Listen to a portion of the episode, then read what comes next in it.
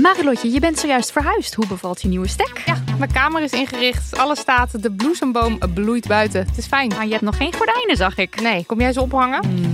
Maar het ding is dus, desondanks alles slaap ik als een koningin dankzij mijn matras van Emma Sleep. Een prinses zonder ert ben jij. Al leg je een ert onder mijn matras, ik denk niet dat ik er last van heb, want het is een hemelsding. En dan heb ik ook nog mijn Emma Diamond Pillow. Jouw slaapkamer is een slaapparadijs. Wil jij dat nou ook? Ga naar emma-sleep.nl en daar vind je moederdag sale met kortingen die oplopen tot wel 50%. En met de code DAMNMONEY aan elkaar eh, komt daar nog eens 10% extra korting bovenop. Luister jij al naar de podcast Co en Zo?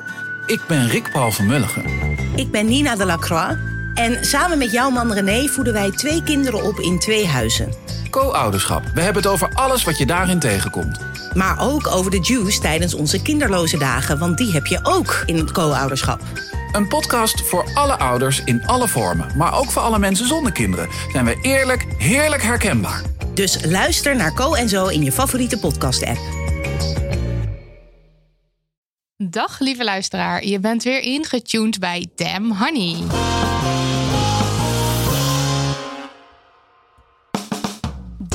Podcast over shit waar je als vrouw van deze tijd mee moet dealen. Mijn naam is Marilotte. En ik ben Nidia. Welkom bij aflevering 44.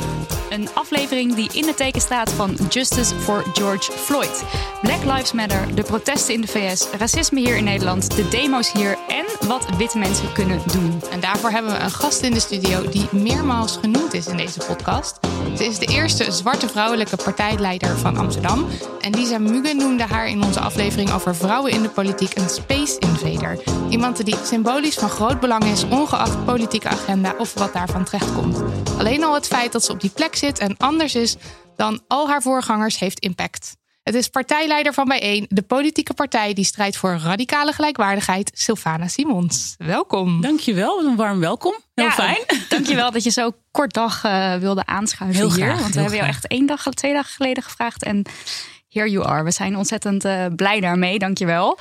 Eh, zometeen duik- duiken we de diepte in, maar we kijken nu eerst even kritisch naar onszelf. Altijd Eh, goed. altijd goed. Nidia, ging jij nog de Femi mist in de afgelopen tijd? Nou, normaal gesproken hebben we hier altijd benoemen we iets van afgelopen week. En dat zijn vaak nou, best wel kleine dingetjes. De, de, de vaste luisteraar die weet dat wel. Het zijn, het zijn dingen als eh, eh, denken van... oh, dat zal wel een vrouw achter het stuur zitten... als, eh, als er raar gereden wordt of zo. En vandaag gaan we, ga ik het wat breder trekken. En Marilotte ook, spoiler. Ehm, want eh, ik ga het niet hebben over alleen de afgelopen week... maar over de afgelopen tijd en eigenlijk over de afgelopen jaren. En wat mij opviel bij mijzelf is dat ik eigenlijk pas ga lezen of me eigenlijk pas ga verdiepen in het onderwerp racisme als ik daar echt op door iemand op gewezen word. En een voorbeeld daarvan is eh, het boek Hallo Witte Mensen, eh, wat ons getipt werd in aflevering 3 geloof ik door Xanne Lee, een luisteraar. Want zij hoorde dat ik het woord blank had gebruikt en ze zei: Hey, eh, hallo.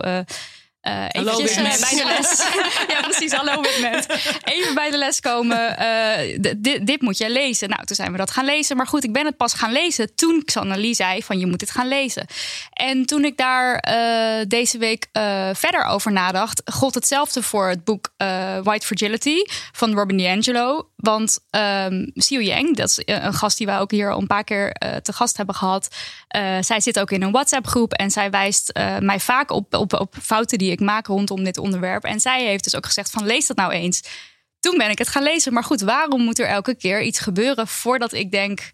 nou, laat ik dan ook maar eens wat gaan lezen. En ik denk dat, dat heel veel witte luisteraars hier... dat die diezelfde minst feministische fout eigenlijk maken...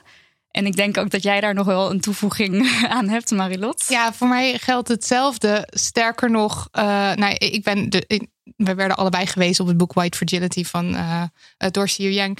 Ehm, ik heb het nog niet gelezen. Ik heb het besteld. Het ligt naast mijn bed, klaar om gelezen te worden. En ik heb het dus nog niet gedaan. Eh, en dit ge- gebeurt mij vaker dat ik dus eh, weet dat het moet en dat ik echt alle intentie heb, maar dat het dus uitgesteld wordt en uitgesteld wordt. En ik besef me denk ik nog niet lang genoeg dat dat op zichzelf ook heel erg geprivilegeerd is. Dat ik de luxe heb om me daar niet in te verdiepen. Ja, dat is het. Ja, Ja. dat denk ik ook. En ehm, het is op zich niet raar, want het, jullie zijn allebei niet opgegroeid met de realiteit van racisme. En ook niet opgegroeid met het advies om er wel aandacht voor te hebben. Uh, en dat betekent dus dat je op enig moment in je leven, wanneer de wokeness een klein beetje begint door te cijfelen, ja, dat je denkt, oh ja, en dan moet ik dit nog en dan moet ik dat nog. En dan uh, is het heel logisch dat je dingen mist. Want in de mainstream media wordt het je ook niet aangeboden. Nee. Dus je, je, moet er ook je huiswerk voor doen. En misschien dat het een klein beetje verlicht. Datzelfde geldt voor mij. Hm. Um, ik heb bijvoorbeeld het boek uh, Alledaags Racisme van Philomena Asset uh, niet helemaal gelezen. Um, en ook pas veel te laat. Uh, want ik groei op in dezelfde omgeving als jullie. Dus ook ik ben er niet automatisch op gewezen. Um, hoewel ik wel de geleefde ervaring heb natuurlijk. Dat, ja, hè, dat is want iets anders. is een groot verschil natuurlijk. Maar dat maakt ook dat, ik da dat het daardoor makkelijk, makkelijker is om te denken... ja, ik heb echt geen boek nodig om mij uit te leggen hoe het zit, want ik weet het wel. Uh, dus die valkuil die geldt denk ik uh, voor witte en zwarte mensen. En ik denk ook dat uh, het wit feminisme, wat natuurlijk ook vaak als fenomeen wordt besproken, inherent geen oog heeft voor de inclusie van racisme. Ja. Um, het, het, witte feminisme, maar ook het witte, de witte LGBT-emancipatie richt zich heel erg op de eigen emancipatie. En als ik heel kort door de bocht ga, we zijn nou toch al een paar minuten bezig, dus de eerste, de eerste schokker kan er wel in. Um, dan uh, is die emancipatie, die witte emancipatie, die is heel erg heteronormatief wit uh, uh, gerelateerd. Dus met andere woorden, toen de witte homo's geaccepteerd werden door de witte heteromannen, uh, toen was hun emancipatie voltooid. En dat merk je nu door bijvoorbeeld in de vorm van bijvoorbeeld homonationalisme. He, dat zijn mensen die zeggen, nou ja, het is hier allemaal verder prima. Wij, wij, zijn nu geaccepteerd. Wij zitten in de politiek. Wij zitten op die plekken waar we macht hebben. Dat was ons doel. Nu, wel, nu, is, nu is het mooi geweest. Ja. En ook als er dan incidenten zijn, ja, dan, dan, dan is iedereen verontwaardigd. Dus uh, shame on you girls dat jullie uh, daar uh, op gewezen moeten worden. Maar maak je geen zorgen, ook ik moet daar nog regelmatig op gewezen moeten worden. We hebben een goede nieuwe jingle die hier even ondergezet moet worden. Ja. Dus nou ja, de mensen nu thuis zullen hem nu horen. Shame, shame, shame. Jij Ja, had ook nog wat. Ja, heb, jij een feminist? Nou, ik heb eigenlijk iets heel kleins. Um, en ik weet ook niet of ik er van af wil, maar ik moest er zo hard over nadenken. Ik weet zeker dat ik het meer doe dan ik me nu uh, voor de geest kan halen. Maar uh, een paar dagen geleden, toen uh, heb ik willens en wetens uh, de vuilniszakken bij de voordeur gezet. Met de gedachte, mijn zoon komt straks, die mag dan het vuil buiten zetten. en het is ongeveer vijf stappen vanaf de voordeur om het weg te doen. Maar ik, ik vond het zo automatisch een klusje voor hem. En hij wees me erop van, serieus? Heb je nou zitten wachten tot er... Ja, een beetje klagen, een beetje zielig doen. Weet je wel, zo van, ja, maar ik ben moe. En, en toen later dacht ik, nou, het is eigenlijk niet alleen uh, lui van mij... maar ik geef hem ook totaal uh, een verkeerd voorbeeld hiermee. Weet je wel, alsof, hij, uh, alsof dat zijn taak is. En ja. zodra er eten gemaakt moet worden, is het mijn taak of zo. Ja, ja, dus het zijn inderdaad die kleine dingetjes die, die ik... Ik herinner me dat ik ook wel eens bij het benzinestation heel zielig heb gekeken naar iemand. Heb, oh, ik moet de olie verversen. Hoe moet dat? dus, dus dat is wel een biecht, weet je wel. Dat ik er ook wel misbruik van maak. Maak te, te, te, Ja. te, Te- te- Verleden tijd. Verleden tijd. Tijd voor post. Post. Tijd voor post. Marilotte, Ja. lees voor. Eh, deze komt van Femke. Die slide vanochtend nog in onze DM. Hoi, ik heb een vraagje. Ik heb jullie boek Heb je nou al een vriend gelezen? En ik dacht, als iemand goed is in goede antwoorden geven in kutsituaties, zijn jullie dat. Ik vind het namelijk moeilijk om mensen te verbeteren als ze racistische opmerkingen en grapjes maken. Ook als ze het niet zo bedoelen, maar ze doen het helaas wel. Dus ik dacht, misschien weten jullie wel een goede en correcte manier om mensen hierin te verbeteren. Want vaak weet ik op het moment zelf nooit zo goed wat ik moet zeggen. En ik wil dit graag veranderen. Nou, Nou, Dat is wel een herkenbare vraag hoor. Die krijg ik ook heel vaak. Wat kan ik doen? Wat uh, kan ik zeggen? Uh, mijn advies is altijd stel een vraag. Stel een vraag waarmee je de ander bewust maakt. En dat kan echt zijn. Heb je, heb je in de gaten dat je een woord gebruikt wat veel mensen aanstootgevend vinden? Of um, ben je je bewust van uh, de koloniale uh, betekenis van dat woord? Blank, bijvoorbeeld. Um, je kunt, het hangt er heel erg vanaf wat je relatie is met degene die iets zegt. Hè. Het is veel moeilijker om tegen je oom, die verder heel erg lief is en eh, altijd eh, eh, vroeger met je naar de zandbak ging, te zeggen van hé hey, joh Eikel, eh, wat doe jij nou? dus dus dat, dat speelt altijd wel een rol. Maar ik zelf zeg altijd stel een vraag. Hm. Dan toon je oprechte interesse dat je wil, dat je wil begrijpen waarom iemand de keuze maakt voor bepaalde woorden. Of iemand zich bewust is van wat, eh, wat die zegt. Eh, en dat is minder aanvallend dan Ja. zeggen je zegt iets slechts. Want ja. denken mensen, ik zeg iets slechts. Ik zeg al, ik, ik, ik, ik, eh, ik heb het over feiten, denken mensen dan. Dus een vraag stellen vind ik zelf altijd ja, iets minder confronterend dan gelijk een statement. Ehm, en wat er dan gebeurt is, je triggert ook nieuwsgierigheid bij die ander. Als je zegt, goh, heb je door dat, eh, eh, dat en dat? Nee, vertel. Ja. Hè? Het is niet uitgesloten dat mensen alsnog heel erg in de verdediging schieten. En ehm, ik merk dat ik dan vaak moet uitleggen: het gaat niet over jou. Ik beoordeel jou niet als persoon. Ik beoordeel deze uitspraak. En ik ben gewoon heel erg benieuwd of je in de gaten hebt wat deze uitspraak kan doen en of je open staat voor een alternatief. Ja. En die laatste vraag is vaak heel effectief. Sta je ook open voor een alternatief dat mensen niet kwetst? Ehm, dan moet je wel keiharder zijn om te zeggen: nee, ik wil per se mensen kwetsen. En vaak zit dat er ook helemaal niet achter. Eh, ik merk dat eh, de jongere generatie, waar ik zelf eh, al een tijdje niet meer toe behoor, ehm, die is zich heel erg bewust van taalgebruik, van symboliek, van connotatie en betekenis. Eh, het is een beetje als met vlees eten. Er is een generatie die, in tegenstelling tot de jongere generatie, het is letterlijk cultuur en gewenning om vlees te eten. En dat zijn ook mensen die begrijpen dat het beter en anders moet. Maar ja, eh, ga zo'n levenslange gewoonte maar van de een op de andere dag eh, opgeven. Dus een beetje coulantie en begrip mag af en toe wel. Maar dat neemt niet weg dat, dat ik het. Ja, ik vind het wel een zaak dat je, dat je het adresseert. ja. Dat wel. Het is dus niet een excuus dat, je, dat het dan niet meer gezellig is. Dat nou ja, is en dat is het. Je moet wel eh, bereid zijn om eh, de gezelligheid te doorbreken. En ook om te ontvangen wat er dan op je afkomt. Want mensen vinden het heel vervelend, zeker wij Nederlanders, als we aangesproken worden. Wij doen altijd alles goed. Dus als we dan opeens worden aangesproken op iets eh, waarvan we zelf niet denken dat het verkeerd is. En een ander die gaat het eens even beoordelen. Daar zijn we gewoon meestal niet van gediend. Eh, dat betekent dat je gewoon heel veel ellende over je heen kunt krijgen. Of dat relaties op gespannen voet komen te staan. Of dat je. eh, eh, ik zag gisteren iemand op Twitter die zei: Ik ben uit de familie-app gestapt. Ja, ik zag het ook. Ja. Dat vond ik zo heftig. Ja. Dat is zo'n grote stap. Ehm, zo moedig. En tegelijkertijd illustreert het de eenzaamheid die je kunt meemaken als je, als je opkomt voor, voor mensenrechten. Hè? Voor de rechten van iedereen, voor respect voor iedereen. Eh, het is een hoge prijs die je betaalt.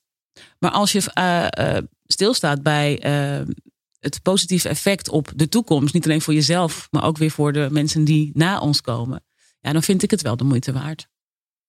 Makkelijk is het niet en dat is iets dat je moet accepteren. ja. Ja, helemaal eens. We hebben een brief die hier een beetje op aansluit. Het was een hele lange brief, dus ik ga even een paar fragmenten voorlezen. Eh, klein beetje context. De luisteraar eh, die schrijft dat zij zelf heel perfectionistisch is. Ook als het aankomt op activisme, feminisme. En dat ze er tegenaan loopt dat als zij mensen in haar omgeving wijst op racistische, seksistische uitspraken of gedrag, dat mensen niet altijd willen veranderen. En dat vindt ze lastig. Oké, komt ie. Voor mijn mentale gesteldheid zou het het makkelijkst zijn als ik alle negativiteit uit mijn leven kon bannen. Dit zou makkelijk zijn als iedereen die insert discriminerende uitspraken of gedrag doet uitvaart, eh, uitvoert ook daadwerkelijk 100% kut zou zijn. En ik met de rest 100% op één lijn zou liggen. Maar natuurlijk leven we in een wereld die veel minder zwart-wit is dan dat. Vaak is het dus zo dat dit soort uitspraken of gedrag van mensen komt die ik voor het overgrote merendeel helemaal fantastisch vind. Maar het gaat dan om één of enkele dingen die wel echt lijnrecht tegenover mijn normen en waarden ingaan en waar ik heel treurig van kan worden. Eh, zoals ik eerder zei, is niet iedereen bereid om zijn gedrag aan te passen en hier heb ik het vaak moeilijk mee. Eh, en dan er, er volgt nog een stukje, eh, maar eigenlijk kort gezegd is haar vraag van eh, hoe ga ik ermee om en hebben jullie tips als ik in een ruzie of in een gesprek hierover beland. Want ze gaf een heel uitgebreid voorbeeld van een, een, een date waar ze niet mee op één lijn zat. En die jongen die gaf aan dat hij zich bewust was van de structurele problemen van seksisme en racisme. Maar tegelijkertijd maakte hij allerlei grappen die wel degelijk seksistisch en racistisch waren. Wat voor haar natuurlijk voor een soort error zorgde. Ehm, ja, dit soort types in ons boek. Heb je nou een vriend? Noemen we deze mensen oom Henk. Liefkozend. Eh, want ja, je hebt natuurlijk mensen om je heen waar je van houdt, maar die wel dit soort dingen eh, Nou, zeggen. Mijn, mijn antwoord op de vraag zou tweeledig zijn. Ten eerste eh, zal zij moeten accepteren, en dat is voor haar eigen gemoedsrust, dat zij alleen verantwoordelijk is voor haar eigen gedrag. Zij kan helemaal niemand veranderen. Ze kan mensen inspireren, een inzicht meegeven eh, of irriteren, maar verder helemaal niets. ja. Eh, dat is een belangrijk eh, punt om aan de voorkant te accepteren. Dat je eigenlijk verwachtingsloos doet wat je doet, omdat je het moet doen. Niet omdat je resultaat wil behalen, of jouw jouw gewenste resultaat wil behalen. Een ander onderdeel van het antwoord is dat we ons moeten realiseren dat ehm, ehm, awareness, wokeness, dat is een proces dat nooit stopt. Dus ehm, degene die je vandaag tegenkomt, eh, die foute opmerkingen maakt, die zal zomaar eens op een dag eh, volgend jaar wakker kunnen worden met, met nieuwe inzichten en het dan beter doen. Eh, dat proces mag je mensen best gunnen. Ehm, want nogmaals, daar, daar ga jij simpelweg niet over. Ehm, een vriendin van mij eh, deelde laatst op Facebook een goede tip. En die zei: Ik zet op mijn datingprofielen een foto van Zwarte Piet is racisme. Of Black Lives Matter. En dat geeft een mooie schifting aan de voorkant. Dan weten mensen meteen waar ze aan toe zijn. Dan zit ik niet per ongeluk met iemand aan een tafel die heel knap is, heel aantrekkelijk is, eh, fantastische humor heeft. Maar pro-Zwarte Piet. later- Precies. ja. Dus weet je wel, eh, stop setting yourself up for disappointment, zeg ik altijd. Dat is, dat is, dat is heel, heel makkelijk om te doen. Ehm, en ik zeg ook heel vaak, de strijd tegen racisme, als je die één op één gaat voeren met, met mensen, dan ben je binnen no time uitgeput. Natuurlijk zijn er momenten dat ik het gesprek aanga, maar de laatste tijd, ik ga het gesprek niet aan met mensen die overduidelijk overtuigd zijn van hun eh, racistische gedachten. Want we hebben een soort eh, illusie, een soort naïeve illusie, dat dat altijd onwetendheid is. Mensen, de echte racist weet heel goed dat hij een racist is. Ja. Eh, en die vindt dat zelf prima. Nou, veel plezier met je racisme. Wa- Wat ik veel belangrijker vind, is de mensen verbinden en verenigen die het anders willen. Ja. Daar stop ik liever mijn energie in. En nogmaals, ik heb heus wel eens een gesprek met iemand eh, waar we argumenten uitwisselen. Maar als je in 2020 eh, eh, eh, er nog van overtuigd bent dat Zwarte Piet eh, schadeloos is. En als je ervan overtuigd bent dat je het N-woord moet kunnen gebruiken als wit mens. eh, dan, dan, ja, dan denk ik, je had bij nu al wel kunnen weten hoe het, hoe het eigenlijk zit als je daarvoor open stond. Hoe vaak moet iemand iets tegen je zeggen? Hè? Voordat, je, voordat je het aanneemt. Dus ik zou haar willen adviseren: stop je energie vooral in de mensen ehm, die eh, bezig zijn met het openbreken van structuren. Die zeg maar het grotere verhaal aanpakken. Want één op één, het is dodelijk vermoeiend. Wat, wat veel mensen volgens mij vergeten is dat ehm, racistische, fascistische overtuigingen de norm zijn. Niet de uitzondering waar je nog eventjes eh, wat correctie op kan plegen. Nee, kijk naar de meerderheid in de Tweede Kamer. Kijk naar eh, eh, beleid zoals bij de Belastingdienst. Kijk naar de realiteit en zie dat het, dat, het, dat het gevecht tegen die hele grote groep individueel, daar ga je aan kapot. Dat ga je niet volhouden. Dus doe wat je kunt om de grotere structuren te verbreken. Een podcast maken, een boek schrijven, een opiniestuk schrijven, eh, in de schoolkrant schrijven. Je, je, je, je gezaghebbenden op, op school, universiteit, eh, op je werk aanspreken. Dat heeft nut. Maar als de buurman graag een racist wil zijn, ondanks dat het een hele fijne buurman is die rekening eh, met je houdt en hè, waar je verder prima. Dat kan. Dat, dat is iets wat we zullen moeten accepteren. Ik heb echt niet de illusie dat ik iedere, iedereen in Nederland kan overtuigen eh, om het anders te doen. Ehm, ik kies er dan voor om het daar te doen, zodat ook de onwelwillende Nederlander stiekem een beetje geholpen gaat worden. Ja. Doordat we regels hebben en Ja. afspraken hebben en beleid hebben. Ja. Wat ik daar nog wel aan toe wil voegen is, als je ervoor kiest om het gesprek aan te gaan, zie het dan ook als een oefening voor jezelf. Ja, dat helpt goeie. mij heel erg. Eh, dan, dat helpt mij ook in niet heel emotioneel worden of heel boos Ja. worden. Maar dat je eh, de dingen die je bijvoorbeeld hebt geleerd of gelezen, of waar je op gewezen bent, dat je die soort van in de praktijk, in een gesprek kan gebruiken. Heel goed advies. En ik denk dat het daarbij ook heel goed is om vanuit jezelf te spreken. Ik heb geleerd. Ja. Ik ben er onlangs achter gekomen. Ik ben tot inzicht gekomen. Als je een zin zo begint, dan is het niet zo aanvallend. Ja. En tegelijkertijd ehm, hoeven we ook niet altijd de gevoelens van de ander in, in, in deze context eh, eh, eh, eh, Besparen. besparen. Nee. Nee, precies. Maar het, het, is, het is meer. Je, Je wil constructief zijn. Ja. En eh, als je er zo naar kijkt, dan is het meer verrijking voor jezelf Ja. dan dat je iemand anders Heel mooi ik aanvalt, Ja. denk ik. Ja. Dus dat.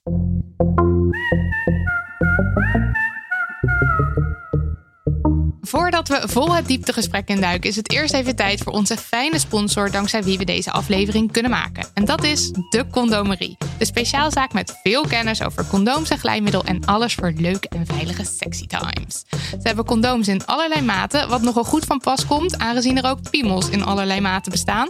Nidia, vertel ons eens de saga van de Morning After Man. Het was een jaar of wat geleden. En deze meid had ook eens een one-night stand. Ja, mensen, het gebeurde. Ongelooflijk. En Stout, wat, stout ook. Ja, dirty.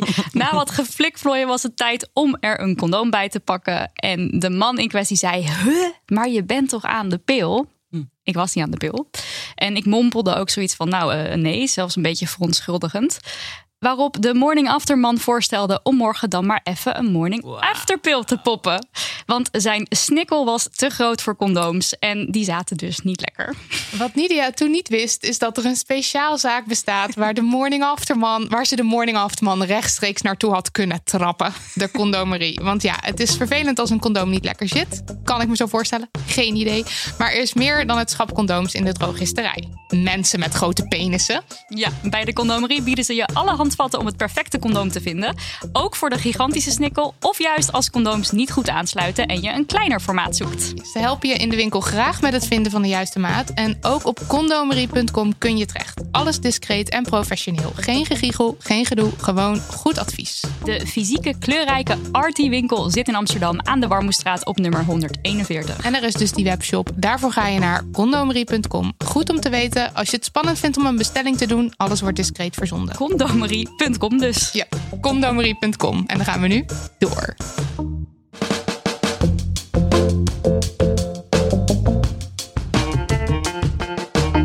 We moeten het even hebben over Justice for George Floyd, over Black Lives Matter, over de protesten in de VS, de eeuwenlange onderdrukking die daartoe geleid heeft en over de stand van zaken in Nederland. Want ja, de moord op George Floyd is makkelijk af te keuren. Het is zo'n extreme en duidelijke vorm van racisme. Natuurlijk spreek je je daarover uit. Maar, zo horen wij oom Henk al zeggen, hier in Nederland heb je geen racisme. Dat is in Amerika.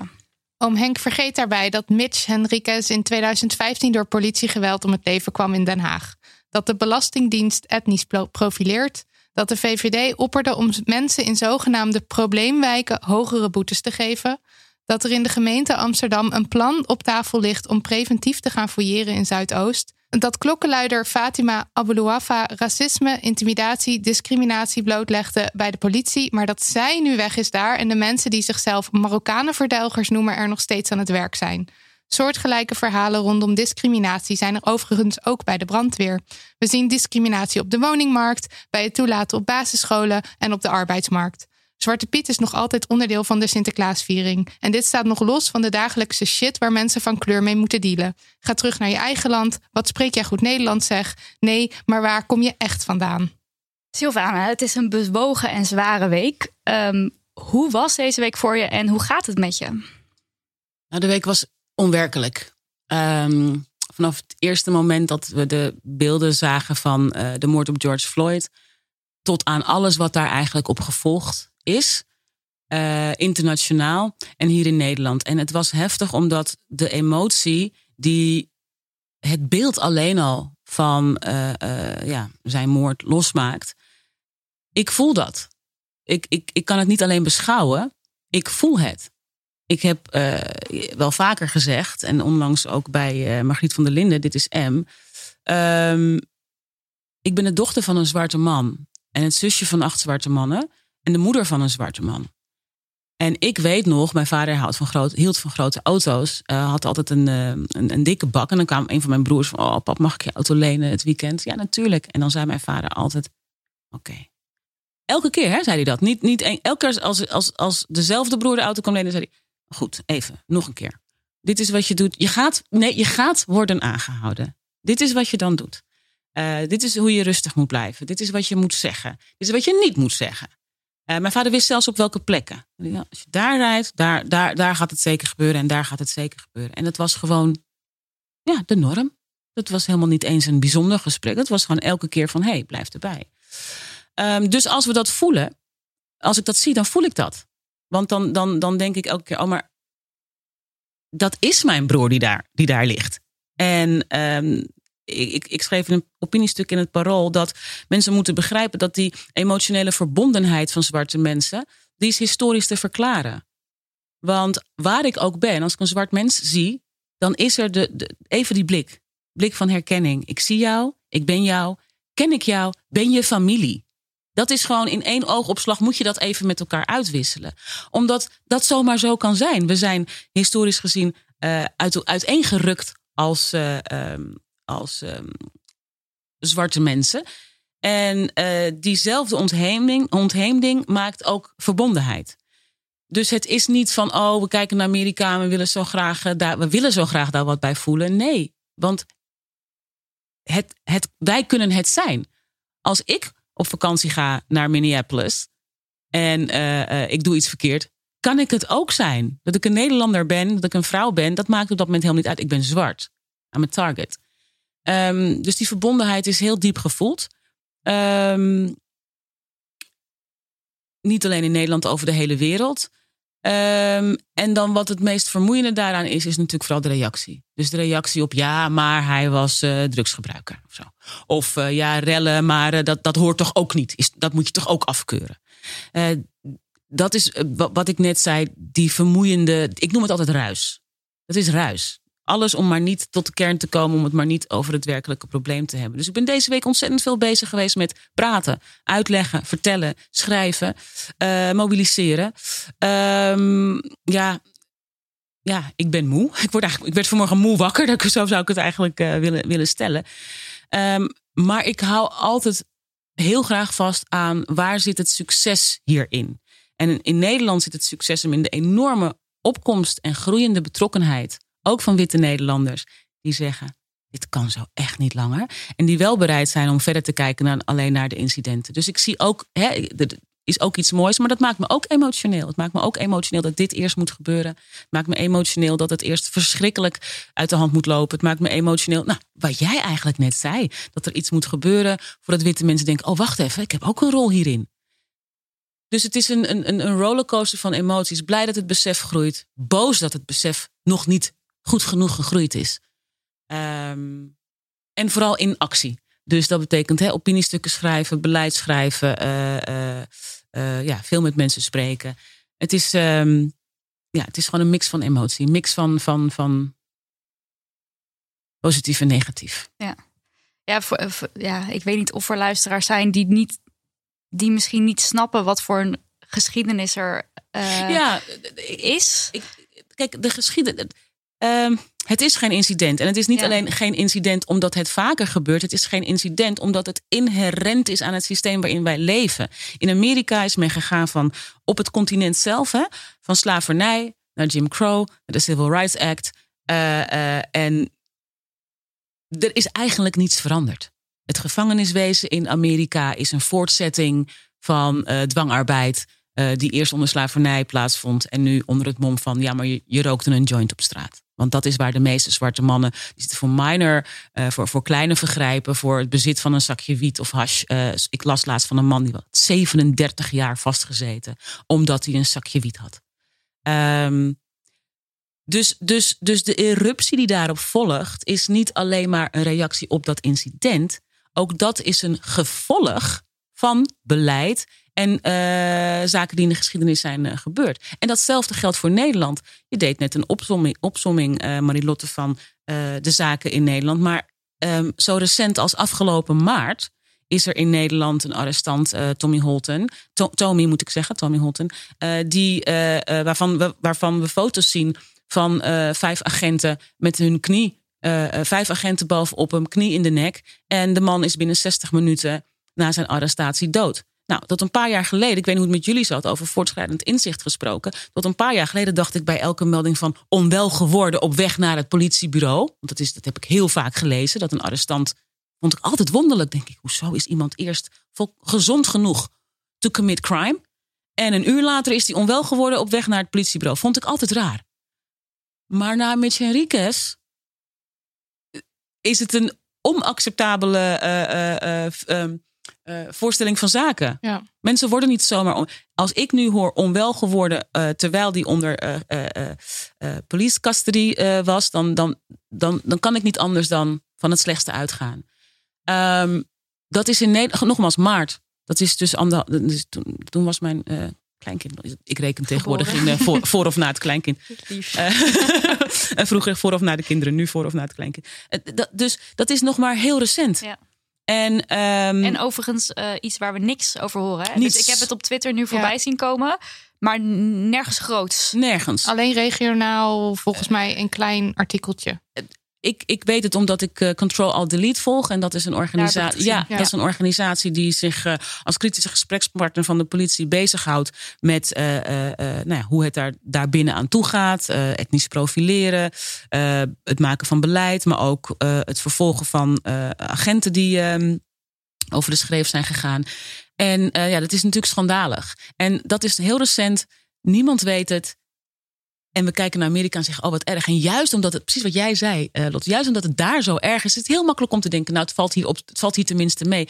Iemand stuurde mij van de week een tweet en die zei, joh, eh, je moet niet zo overdrijven met je eh, racisme en discriminatie. Eh, het was een zwarte jongen en die zei, ik heb het alleen maar een paar keer meegemaakt met solliciteren, dus waar doe je nou zo moeilijk over?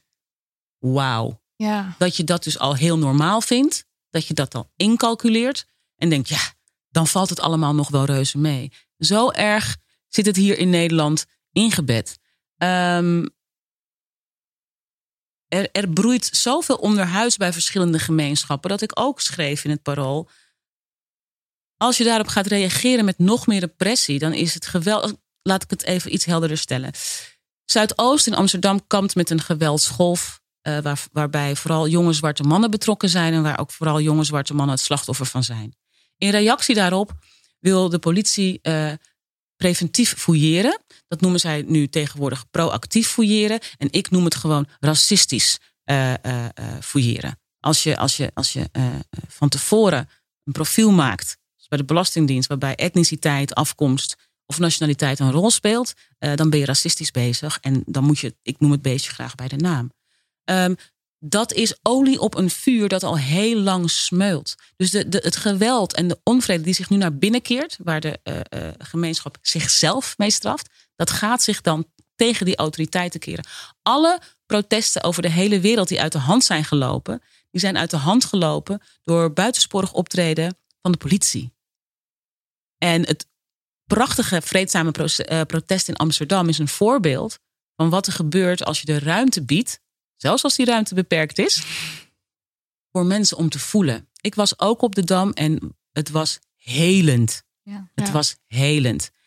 Ik ben niet alleen. We zijn solidair. Eh, eh, het zijn geen gedachtenspinsels van mij. Ik vecht niet tegen een bierkaai, want we zijn met meer soldaten. Ehm, eh, dus, dus broodnodig. En ik denk in dit geval in Amsterdam een fantastische. ge- eh, eh, ehm, ik heb veel te veel Engelse woorden in mijn hoofd. Ehm, kans.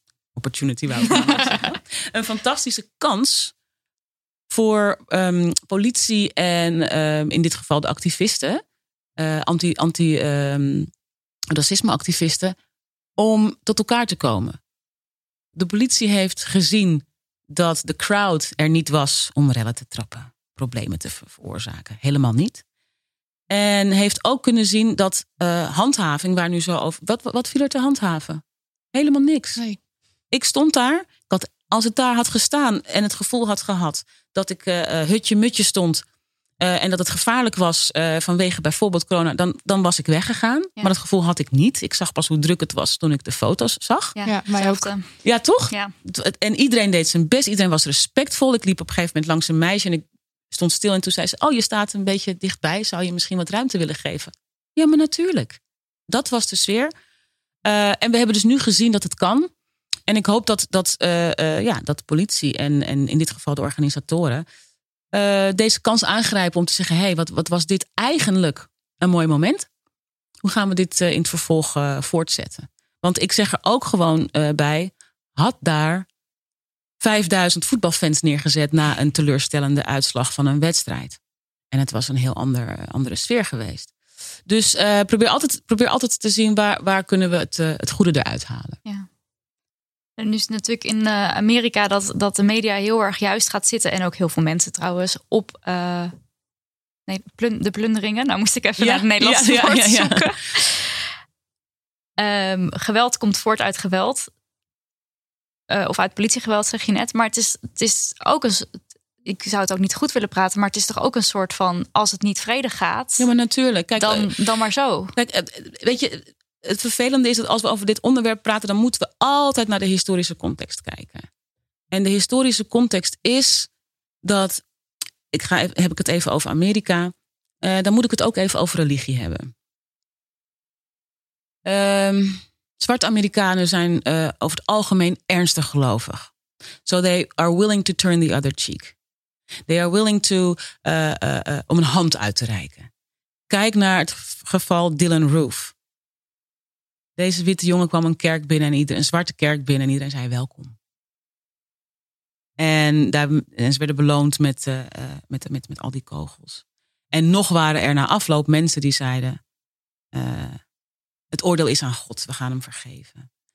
Maar we zijn mensen eh, die, en we hebben, we hebben eh, grenzen tot waar we emotioneel gedreven kunnen worden. Ik zeg altijd: Ik ben in staat tot moord.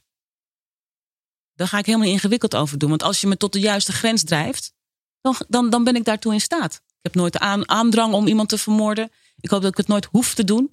Maar ik kan me echt wel situaties voorstellen waarin ik denk, ja, maar als jij of ik, dan jij. En dat is wat bij mensen bovenkomt. Als je niets meer te verliezen hebt, niets meer. Je bent sociaal, je, je, je hebt niet te eten, geen dak boven je hoofd, je wordt niet gehoord. En hoe hard je ook werkt, hoe, hoe, wat voor een modelburger je ook bent. eh, dit kan zomaar jouw lot zijn. Eh, in een land dat, waar, je, waar zeker Amerikanen, ehm, die hebben een enorm, ja, eh, nationalistisch is niet het goede woord, patriotistisch, eh, eh, vaderlandslievend. Hè? We zijn Amerikanen. En dat land bedriegt jou, dat land stelt jou teleur. De overheid stelt jou teleur, politieagenten die jou moeten beschermen, daar kan je niet op rekenen. Het is een samen, samenloop, een eruptie van zoveel ingehouden woede. Keer op keer. We hebben Rodney King al gehad. We hebben in de afgelopen twee jaar al die namen al gehad. Brianna Taylor. Nou goed, ik, ik, ik, ik ga al die namen niet noemen. Sandra Bland. Doe toch. Sandra Bland. Ehm, omdat ik ook de vrouwen af en toe eh, eh, eh, wil noemen. Ehm, ja, het is gewoon een, een, een- een, explosie van machteloosheid. En die machteloosheid wordt bevestigd op het moment dat er zo'n enorme macht tegenover je komt staan met veel machtsvertoon. Ja. Je lokt het gewoon uit. Ja. En ik kan me het heel goed voorstellen. Ik ben helemaal niet voor plunderen en eh, kapot maken. Helemaal niet. Ik ben er al niet voor. Maar als je ziet dat mensen het in hun eigen gemeenschap doen, dat is extra pijnlijk om te zien. Maar het is wanhoop. Ja. En we moeten naar de bron van dat gedrag. En niet alleen maar dat gedrag afkeuren. Ik zag een, eh, een video van Trevor Noah. Die, eh, die zei: Je kunt er ook zo naar kijken. Eh, je kunt het ook omdraaien. En er zo naar kijken. de zwarte gemeenschap is eeuwenlang geplunderd door Amerika. Maar zo voelen ze dat, ja. En Terecht. dit is dan de reactie daarop. terecht. Eh, De real looting en shooting, eh, sorry, de real looting eh, begon natuurlijk eh, bij ehm, het. eh, de ho- nou, ik ga toch gewoon Engelse woorden gebruiken. De hostile takeover van het continent. Ja. Ja. Dat was de real looting. En, en dat zit allemaal. Dat, dat, dat, dat zit. Ja, dat zit zo in de vezels. Dat onrecht. Dat, dat, dat, dat is het. Het is. Ja. Ik, ik, ik gebruik de laatste tijd een zin van Chris Rock heel vaak. Chris Rock is een Amerikaanse eh, stand-up comedian. Eh, hij is vrij politiek. Hij is een van mijn favoriete zwarte stand-up comedians uit de, de Verenigde Staten. En ik gebruik vaak de zin: I'm not saying it's okay, but I do understand. Hm. Dat Ja. is het. Natuurlijk gaat niemand zeggen: ja, joh, plunder lekker. Nee. Maar kan ik het begrijpen? Ja, absoluut. Ben ik, zou ik zelf daartoe in staat zijn, gedreven door de juiste omstandigheden? Ja, absoluut. Dan, dan weer eh, de brug naar Nederland. Het gesprek wordt nu geopend. Het werd nooit geopend. Nog steeds wordt het denk ik niet voldoende geopend. Is er niet genoeg ruimte voor. Hoe zouden we het gesprek moeten voeren? Ik denk dat het ik dacht er toevallig vanmorgen over na, omdat ik gisteren antwoordde: het begint met het besef. Maar ehm, het begint met het accepteren van met name witte mensen die eh, eh, eh, een plek en of macht binnen het systeem hebben, ehm, dat zij onwetend zijn, niet de autoriteit zijn, te luisteren hebben. En dat is voor veel mensen, die ik net omschrijf, heel erg moeilijk. Ja. Maar dat, daar moet het beginnen. Het besef, ik heb alleen een stem als supporter. Ik ben verantwoordelijk, mede verantwoordelijk voor de oplossing. Ik heb daar een verantwoordelijkheid in. Ehm, en ik zal moeten accepteren dat ik een stapje terug moet doen of een stapje opzij moet doen of überhaupt helemaal plaats moet maken. En eh, zolang dat niet gebeurt, ja, kijk, eh, ik zal door blijven gaan met het eh, pleiten voor rechtvaardig beleid. En ik zal door blijven gaan met het brengen van inzichten en bewustwording. Eh, het, het organiseren van een grote, een groeiende massa mensen die in opstand komt. Maar de, de, de spanningen, eh, het wederzijdse verzet zal blijven. zolang de witte macht zich niet realiseert. The time is up. Het is klaar, het is over. En een van de dingen die we gaan doen is dit gesprek. Jullie gaan dat gesprek blijven voeren. Jullie gaan boeken blijven maken. Ik ga het gesprek blijven voeren. We gaan eh, dagenlang met duizenden de straat op. Ook tijdens een coronapandemie. Om hier aandacht voor te vragen. We laten niet meer los en we accepteren het niet meer. En we vallen mensen in de reden en we zeggen: "Huh, sh- sh- nee, dat weet jij niet. Shut up. Laatst was ik op een, ehm, een eh, mocht ik ergens spreken. En ik ging het podium op en ik zei: Oké, dit gaat alleen werken als we één ding afspreken.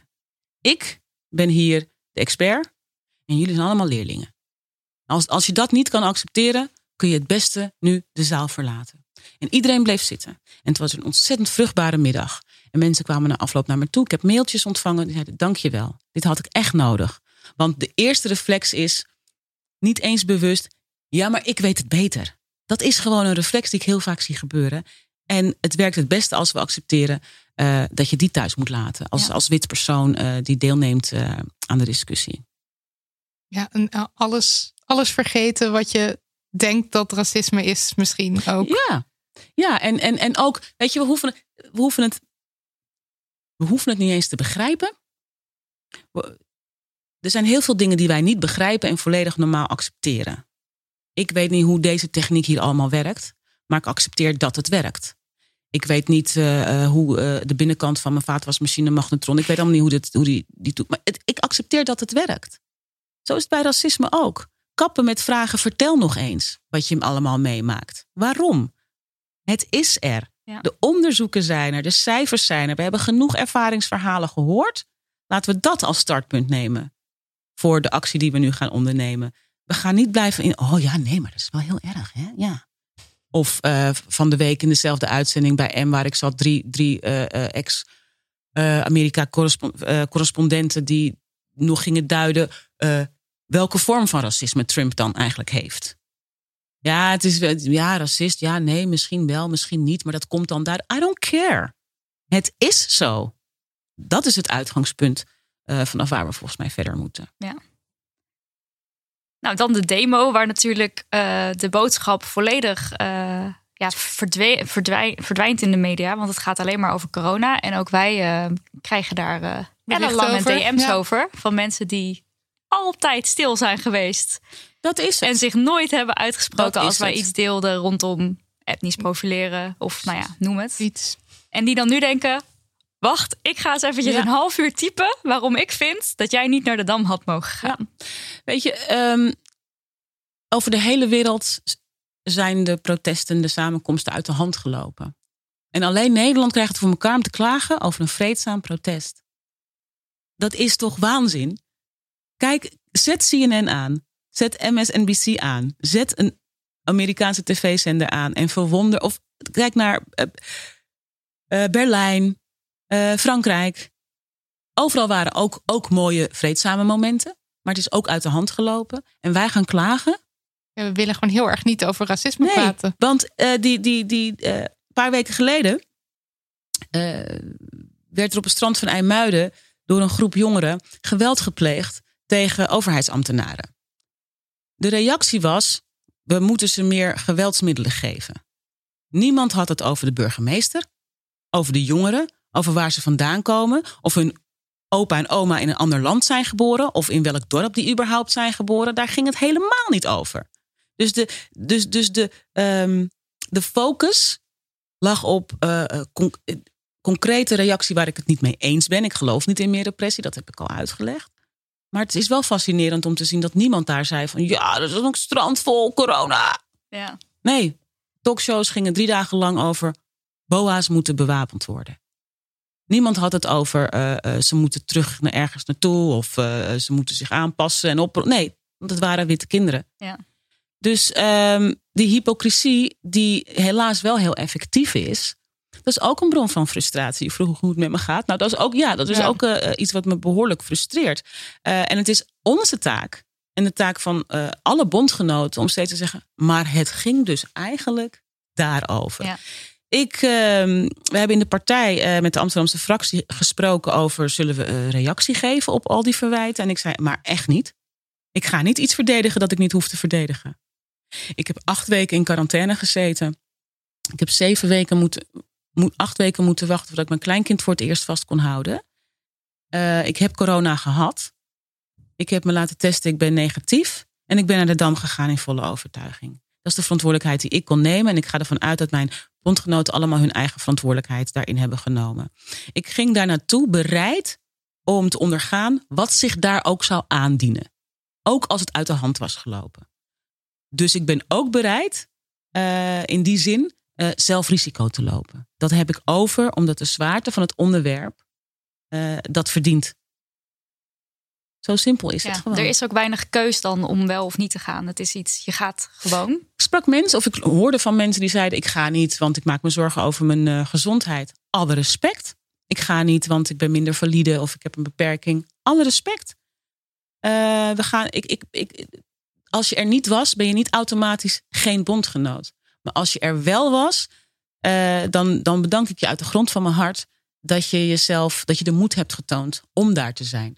En het zijn allemaal flauwe verwijten. Het is niet zo dat 5000 mensen elkaar gebeld hebben en gezegd: Kom, we gaan even met z'n 5000 even corona eh, verspreiden. Ik zie je om vijf uur op de dam. Dat precies. is Terwijl het niet er wel gedaan wordt alsof... alsof Zo is het niet gegaan. Ja, Nee, we just showed up. ja. En het signaal is overweldigend. Ja. Dat is het enige waar het voor mij over gaat. En ik had mijn kleinkind nog meegenomen ook, eh, bij wijze van spreken. Dat is waar het over gaat. En verder is het toch ook de. Want protesteren is een grondrecht, wat volgens mij gewoon wat gefaciliteerd moet worden. En dan was de dam misschien niet eh, nu. Ja, het bleek te klein. Het bleek te het klein. bleek te klein. Achteraf bleek Ja. het te klein, want het was niet voorzien dat er zo'n grote groep mensen zou zijn. Precies. En ik ga, of tenminste, ik heb nu gelezen dat alle andere protesten worden nu gefaciliteerd op plekken waar het past. Nou, en zo moet het zijn. En eh, eh, in Den Haag is het Malieveld vrijgemaakt. Nou, daar is alle ruimte. Het zag er prachtig uit. Ja, Iedereen ja. stond op anderhalf meter afstand. Het was ook weer vreedzaam, mooi.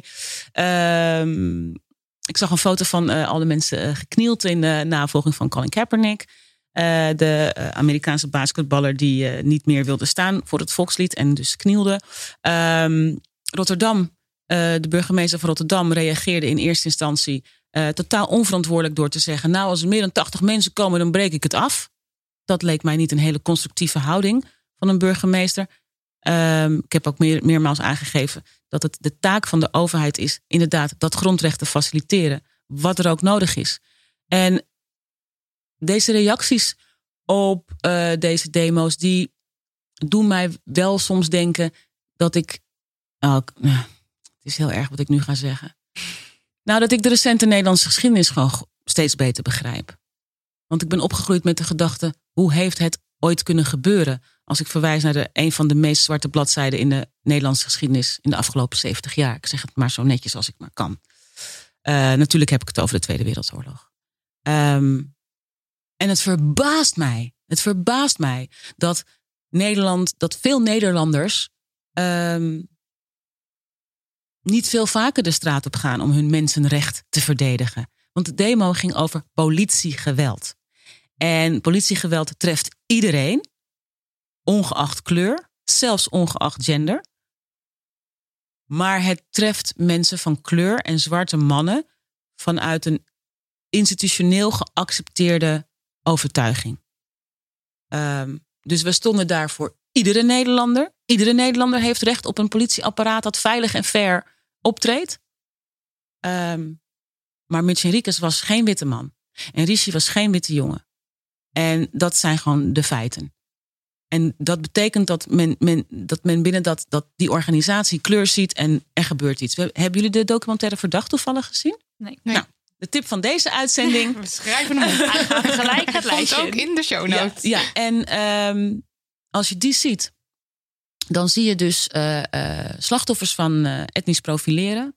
En dat zijn mannen die, dat zijn burgers, maar dat zijn ook zwarte agenten. Die niet veilig zijn binnen hun eigen organisatie.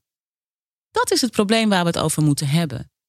Ehm, wekenlang hebben mensen geroepen: ah, die anderhalve maat, eh, meter maatregel is nonsens. En in de buitenlucht kan je het niet krijgen. En, eh, en,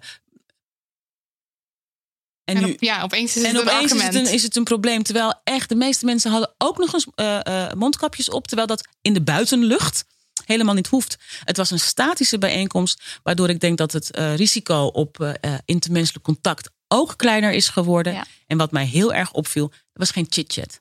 Het was Het geen. was staan. het was dat is wat het en letterlijk was. Je ging staan en Ja. daar stond je twee uur, tweeënhalf uur, wat duurde het? En dat was het. Dat en was je hield het. misschien je bord omhoog. Ja.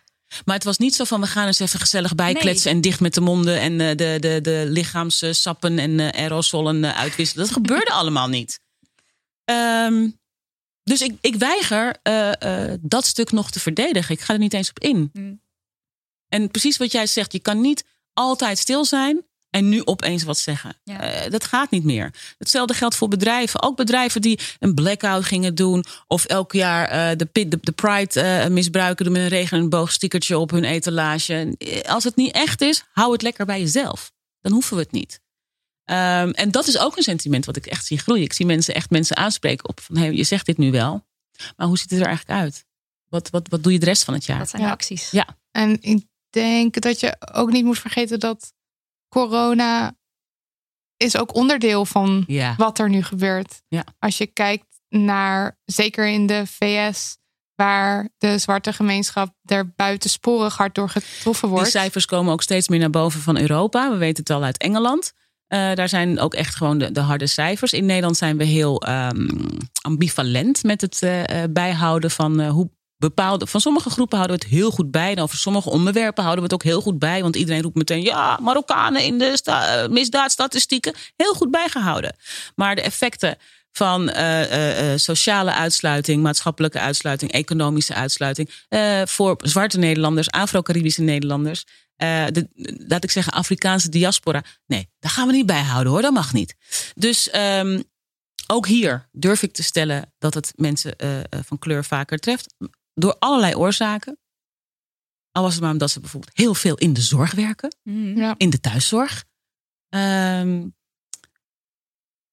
dus, dus al die verwijten zijn daardoor wat mij betreft een beetje vals. En het geeft dus aan dat mensen zeggen: het maakt mij niet uit. Ik ben bereid te sterven voor dit ideaal.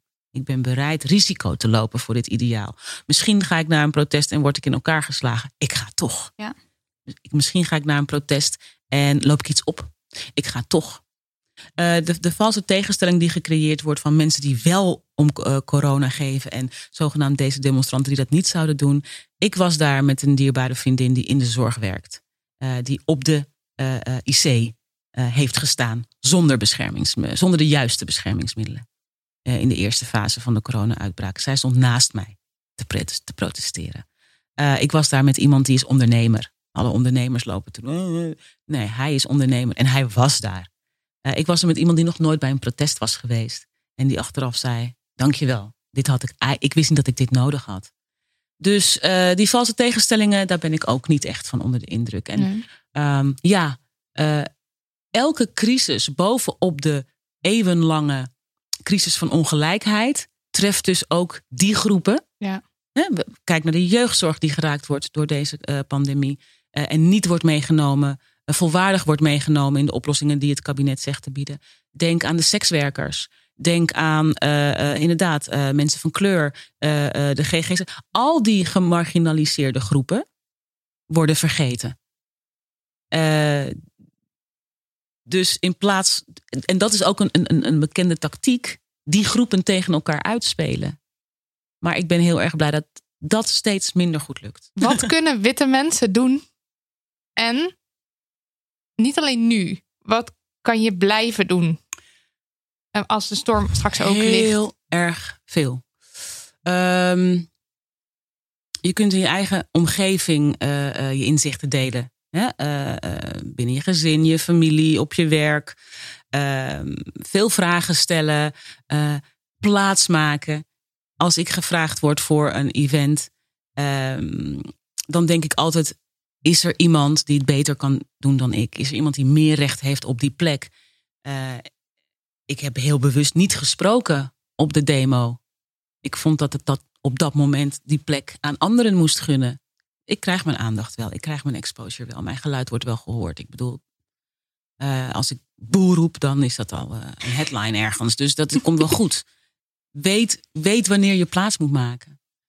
En spreek anderen daarop aan. Als je wordt uitgenodigd als wit mens om op een podium te spreken. En je ziet dat iedereen op dat podium wit is. Dan kun je zeggen, ik kom niet eh, eh, in een eh, all-white panel spreken. Misschien kun je mijn plek aan een vrouw geven. Of aan iemand van kleur. Of altijd de beste combi, een vrouw van kleur.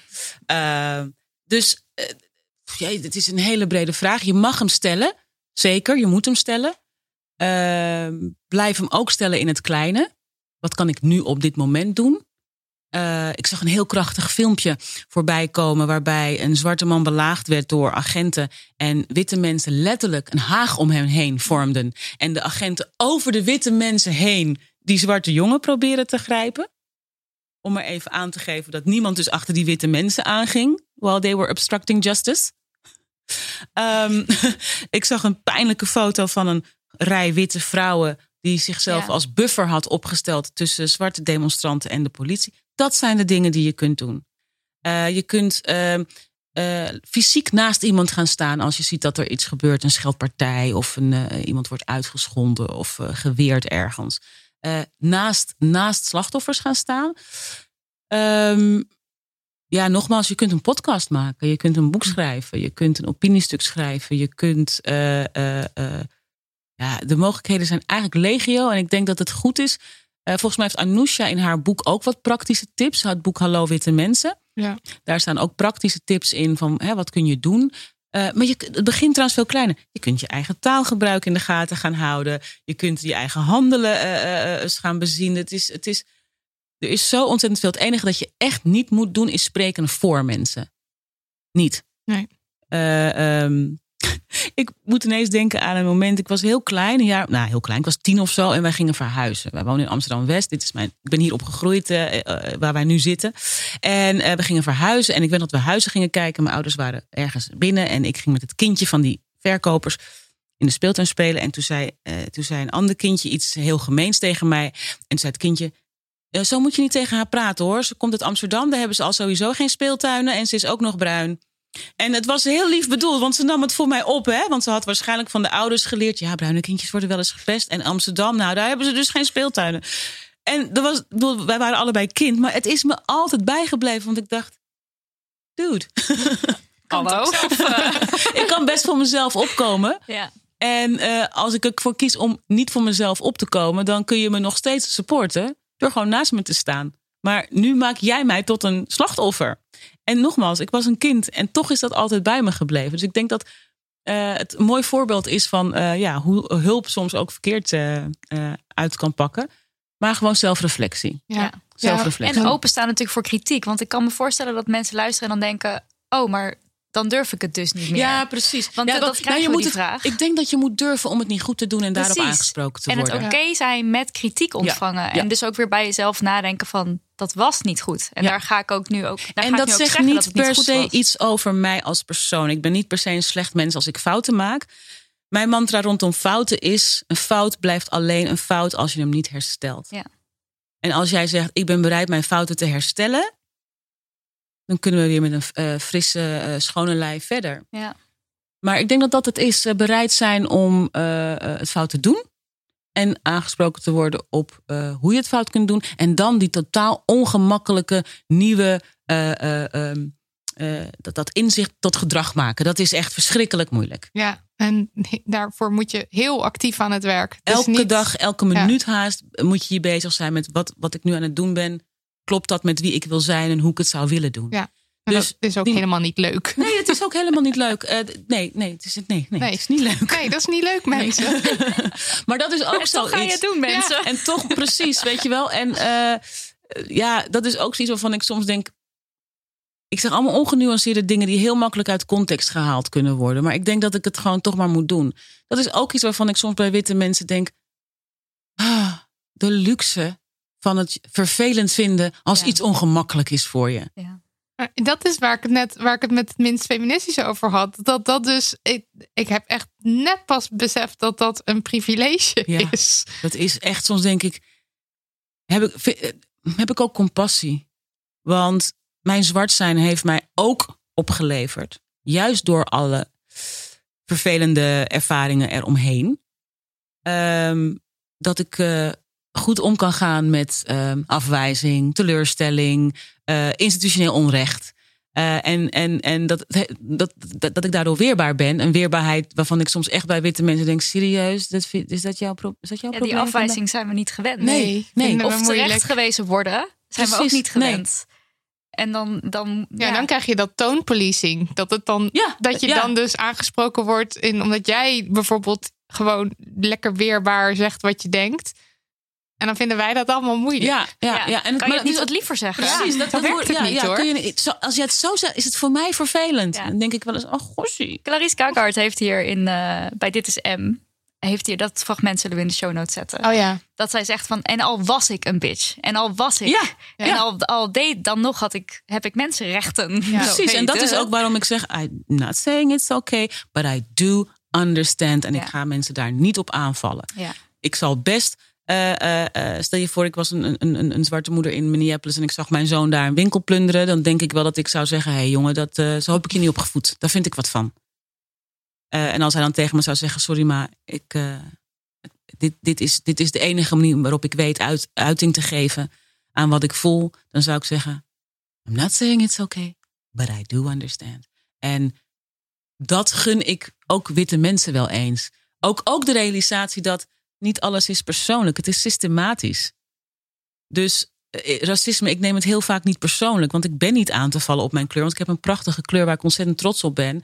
Ehm, dus, dus, dus het zit hem niet per se altijd in het persoonlijke. We hebben het over het systeem. En zolang je niet bijdraagt aan het verbeteren daarvan, zal ik je af en toe moeten aanspreken daarop. Of je het vervelend vindt of niet. En ehm, ik kan me echt voorstellen dat dat zeer doet als ontvanger, als wit mens. De eerste keer dat je een wit mens genoemd wordt. Nou, dat is voor veel mensen wow. En dan denk ik, "S- serieus? Zal ik je de namen geven die ik over mezelf moet lezen? Al mijn hele leven. Dus ja, het is ook een beetje toughen up, hè? Ja, Ja, zeker. dat is het. Dat is het. Het is Ja. gewoon, eh, ja. Jammer, maar helaas of zo. Ja. Ja, Jammer, Ja. maar helaas. ja. Prachtige laatste woorden voor dit Inderdaad. gesprek.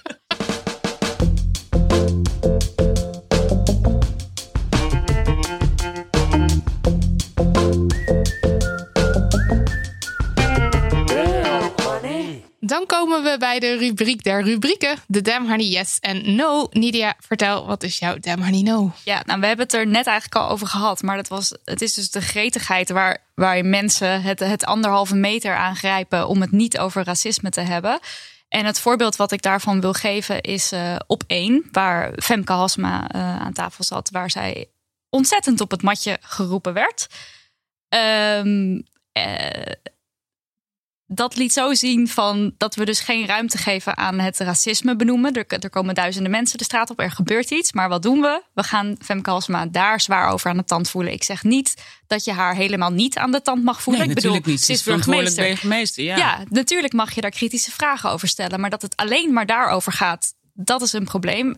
En waar vooral ook het probleem is, is dat de Amerikaanse ambassadeur Piet Hoekstra een paar dagen eerder daar mocht aanschuiven. Aan een, geloof ik, volledig witte tafel ook ja, nog. volgens mij wel. Volgens Als mij dit wel. goed zeg. Ja. Om, het, om het te hebben over de protesten in Amerika. En het ging eigenlijk vooral over zijn dochter, want die woonde daar. En god, ja. Ja, die woont anderhalve kilometer van, Van de- waar het aan de hand is. Ja. Ja, dus god, eh, wat heftig. En eh, het, het ging niet over racisme of, of de, de- de echte onderwerpen die worden niet besproken. Nou, wat het allerergste was, als ik je mag in de reden Ja, mag ja. vallen. Het allerergste was dat Piet Hoekstra nog het meest uitgesproken was van al die mensen aan de tafel. Dat Over was hoe erg het was. Over hoe erg het was en hoezeer hij het afwees. Hij zei een hoop dingen waardoor ik een eh, baksteen door mijn televisie wilde gooien. Maar hij was verdorie wel de enige die zo, zo oppervlakkig als het bleef. Nog een soort aanzetje, Nog, nog een ja. soort aanzetje deed van ja, maar dit kan dus echt. Dat was het meest ontluisterende. ja. Ik, ik, ik, ik, nou ja. ja. Nou ja, dat was mijn Damn Honey No. ja, nou Dus eens. Ja, een. Ja. Damn Honey Yes. Eh, de Demony Yes is nu het gevoel dat we door kunnen en gaan Pakken. met z'n allen, doorpakken.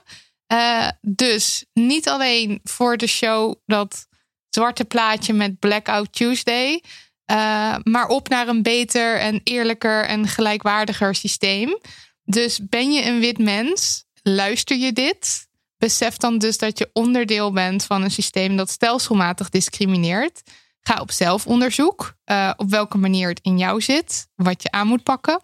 Eh, wij gaan je helpen. We zijn zelf ook hard bezig om dit te onderzoeken. Dus wij gaan je eh, helpen met lees en luister en kijk en volgtips. Hoe je jezelf kunt onderwijzen. Eh, besef ook dat je jezelf niet op de borst hoeft te kloppen als je een boek leest of een docu kijkt of tot inzicht komt. Want eigenlijk ben je veel te laat. Eh, besef ook dat je ontzettend geprivilegeerd bent als je pas sinds vandaag of deze week de noodzaak niet inzag van verandering. En dan komen de tips. Ehm, We gaan ze allemaal in de show notes zetten. ja, maar we gaan ze ook eventjes noemen. Zullen we dat samen doen? Of Ja, zal ik maar. Ja, Zal ik beginnen met White Fragility? Want Robin DiAngelo Heb ik dus niet gelezen. Heb ik wel gelezen. Ik klop Vanavond. mezelf op de borst. Vanavond. Dit boek als wit mens, lees dit, want het legt alles bloot wat jij doet als wit mens als je dus kritiek ontvangt. En het is pijnlijk herkenbaar waarschijnlijk, want waarschijnlijk doe jij dit zelf dus ook. Maar het laat, zo, het laat zo zien dat je dus onderdeel bent van al die mensen die dit doen. En dat je dus meteen in de verdediging wil schieten. En nou ja, het is een eye-opener. Ja, lees het maar gewoon.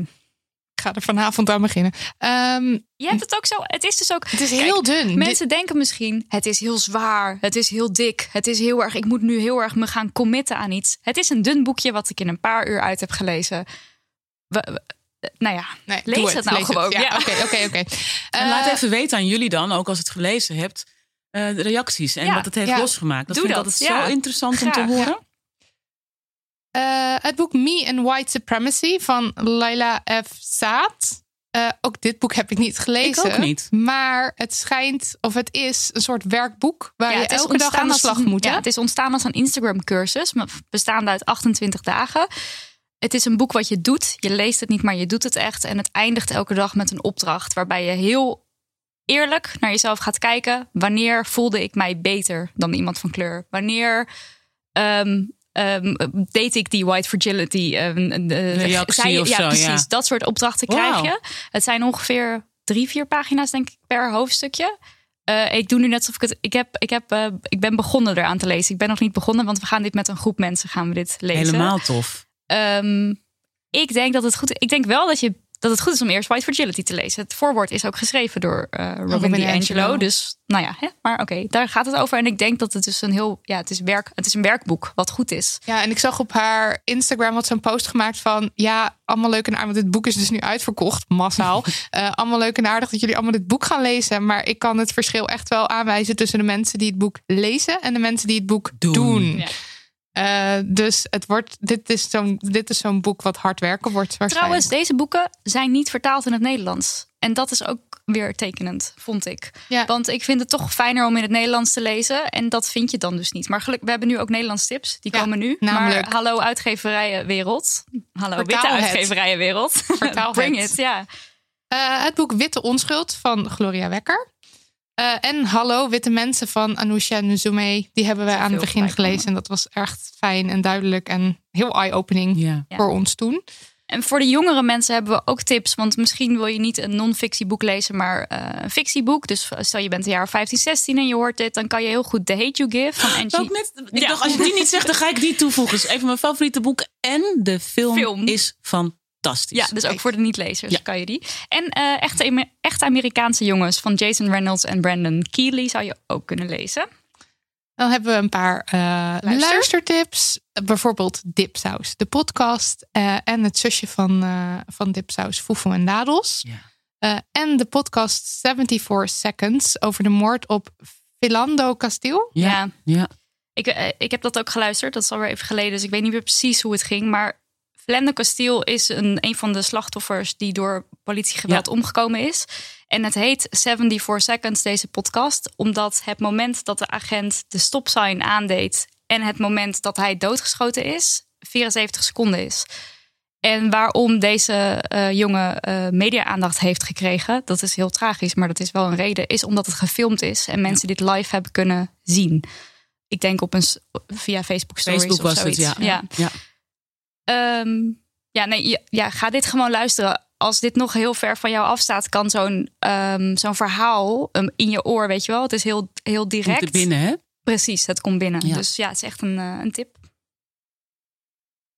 Ja, oh ja, ik ga wel verder. Eh, via Leo, dat is een van onze lieve volgers, eh, werden we gewezen op trainingen voor docenten van Stichting Anne- Frank rondom thema's als discriminatie en vooroordelen. Dus als jij een docent bent, basisschool, middelbare school, kan je daar een training gaan volgen.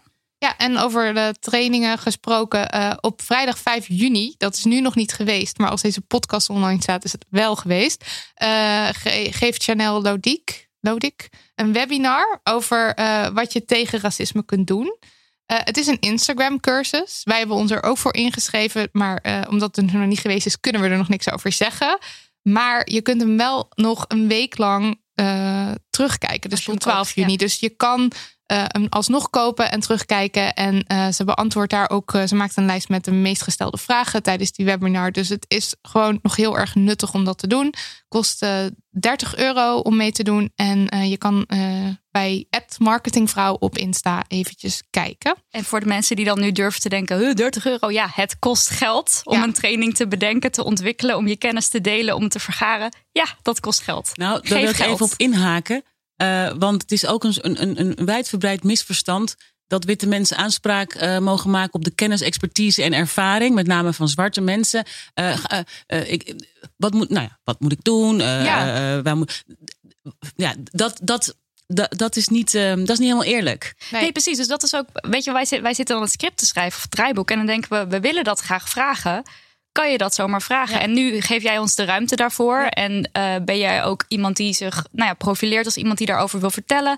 Maar goed, het is niet zo dat je zomaar Nee. anyone, elke collega, elke iedereen die je maar tegenkomt kan vragen. Oké, help, wat kan ik doen? Mensen moeten zich realiseren. Ik maak altijd een hele pijnlijke vergelijking. In namelijk eh eh, ehm, alledaags racisme voelt als alledaagse aanranding. En je, we gaan niet aan een slachtoffer van aanranding en verkrachting elke keer vragen. Vertel nog eens. en toen? Ja, het is Bijna alsof het een soort doormaken. juicy Dat- dat- verhaal dat- is ja, ook, hè? Dat trauma maar wakker houden, dat Ja. doen we niet. We gaan ook niet aan een slachtoffer van aanranding of verkrachting vragen. ehm, maar wat heb jij eigenlijk gedaan eh, eh, om het tegen te gaan? Wat doe jij eigenlijk om het tegen te gaan? Doen we allemaal niet. Maar we vragen het wel aan slachtoffers van uitsluiting, racisme en, en dat soort dingen. Ehm, dus het is heel fijn als je vraagt: mag ik het aan jou vragen? Dat deed jij. Dan kan ik zeggen ja of nee. Eh, en in mijn geval zeg ik ja, ik ben een publiek figuur, daar heb ik voor gekozen. Ik heb voor de politiek gekozen, met andere woorden voor een eh, ar- armza- armzalig bestaan.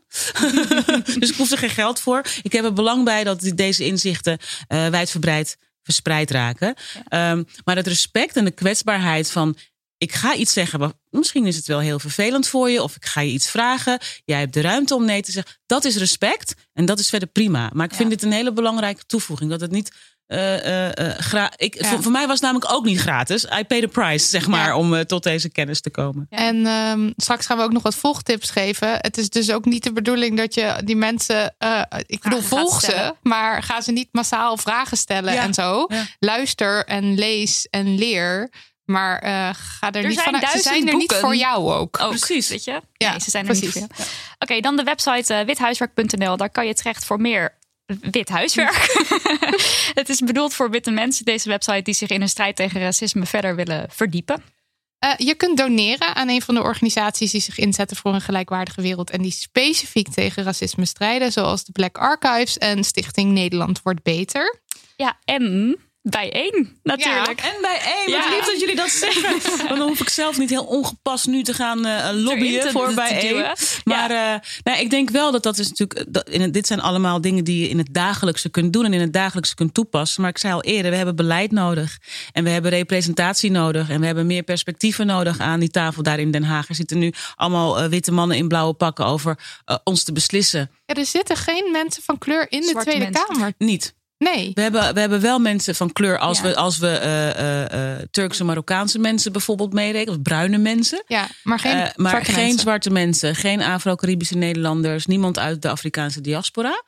En ehm, in de afgelopen maanden moest ik elke keer een beetje mijn ongemak van me afschudden als ik naar die groep mensen keek die daar allerlei coronabeslissingen zat te nemen. Dat waren echt alleen maar witte mannen van middelbare leeftijd.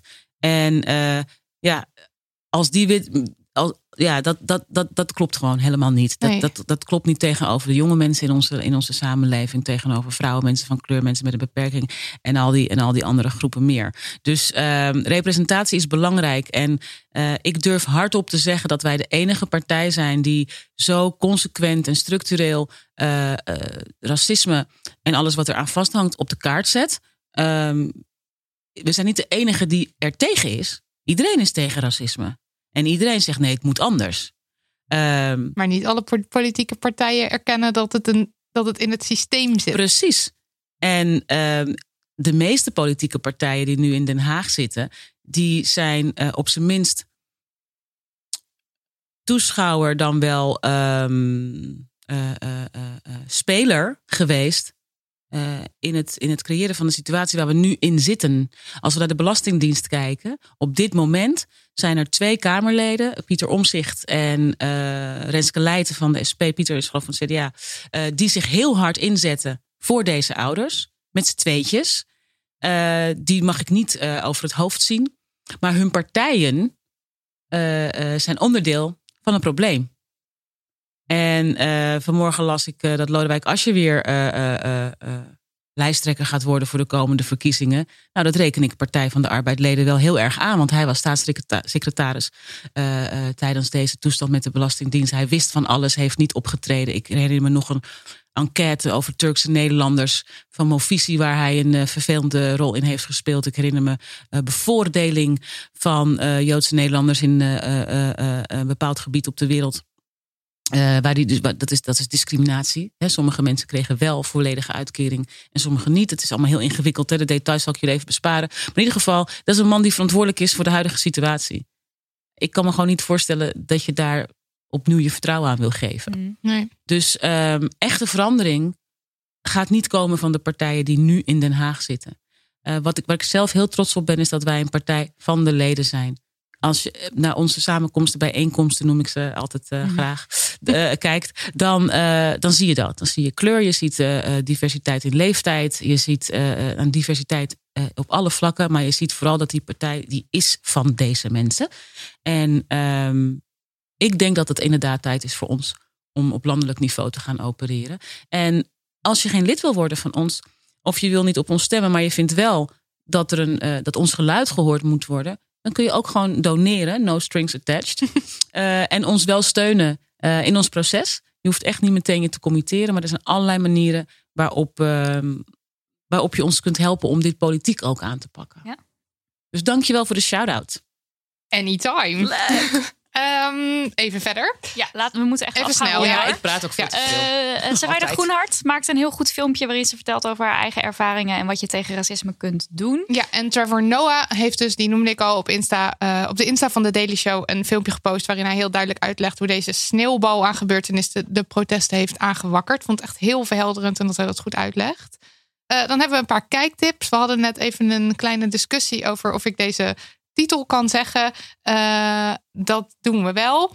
Eh, de documentaire I Am Not Your Negro. Afgelopen week te zien op NPO 1. En ik denk dat je die terug kan kijken. En in de documentaire wordt de revolutionaire burgerrechtenbeweging van de jaren 60 verbonden aan Black Lives Matter van nu. En centraal staan de teksten van de zwarte Amerikaanse schrijver James Baldwin.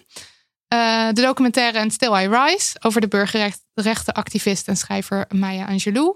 Eh, en het gesprek bij Talkshow M met eh, Clarice Gargar, Aquasi en Sosja Duisker en Natasja Harleken. Ja, en, ehm, en dus verdacht, maar dat is net ook al. Oh ja, gaat verdacht. ook in de, in Ja, de die moeten show bij. notes. Ja.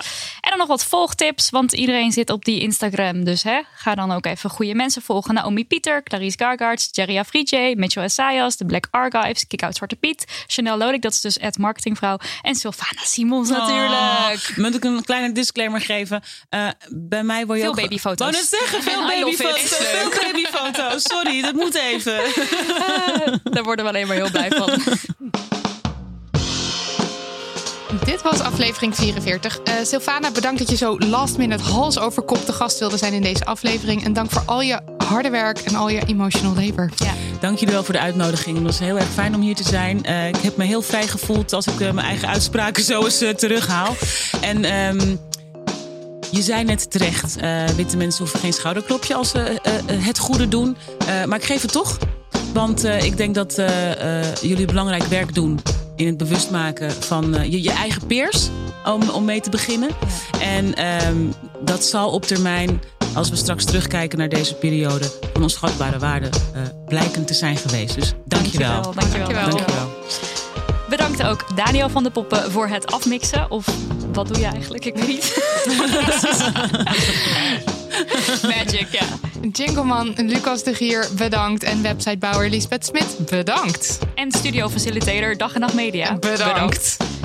En lieve luisteraar, natuurlijk, wat fijn dat je weer luisterde. luisterde. Heb je een verhaal, vraag of iets anders leuks of iets stoms of whatever, mail het naar info.demmoney.nl. Wil je ons supporten? Dat kan met een donatie via petje.af slash damhoney of met een recensie op je Favo podcast platform. Of doe het niet. Zelf weten. Doei. Doei!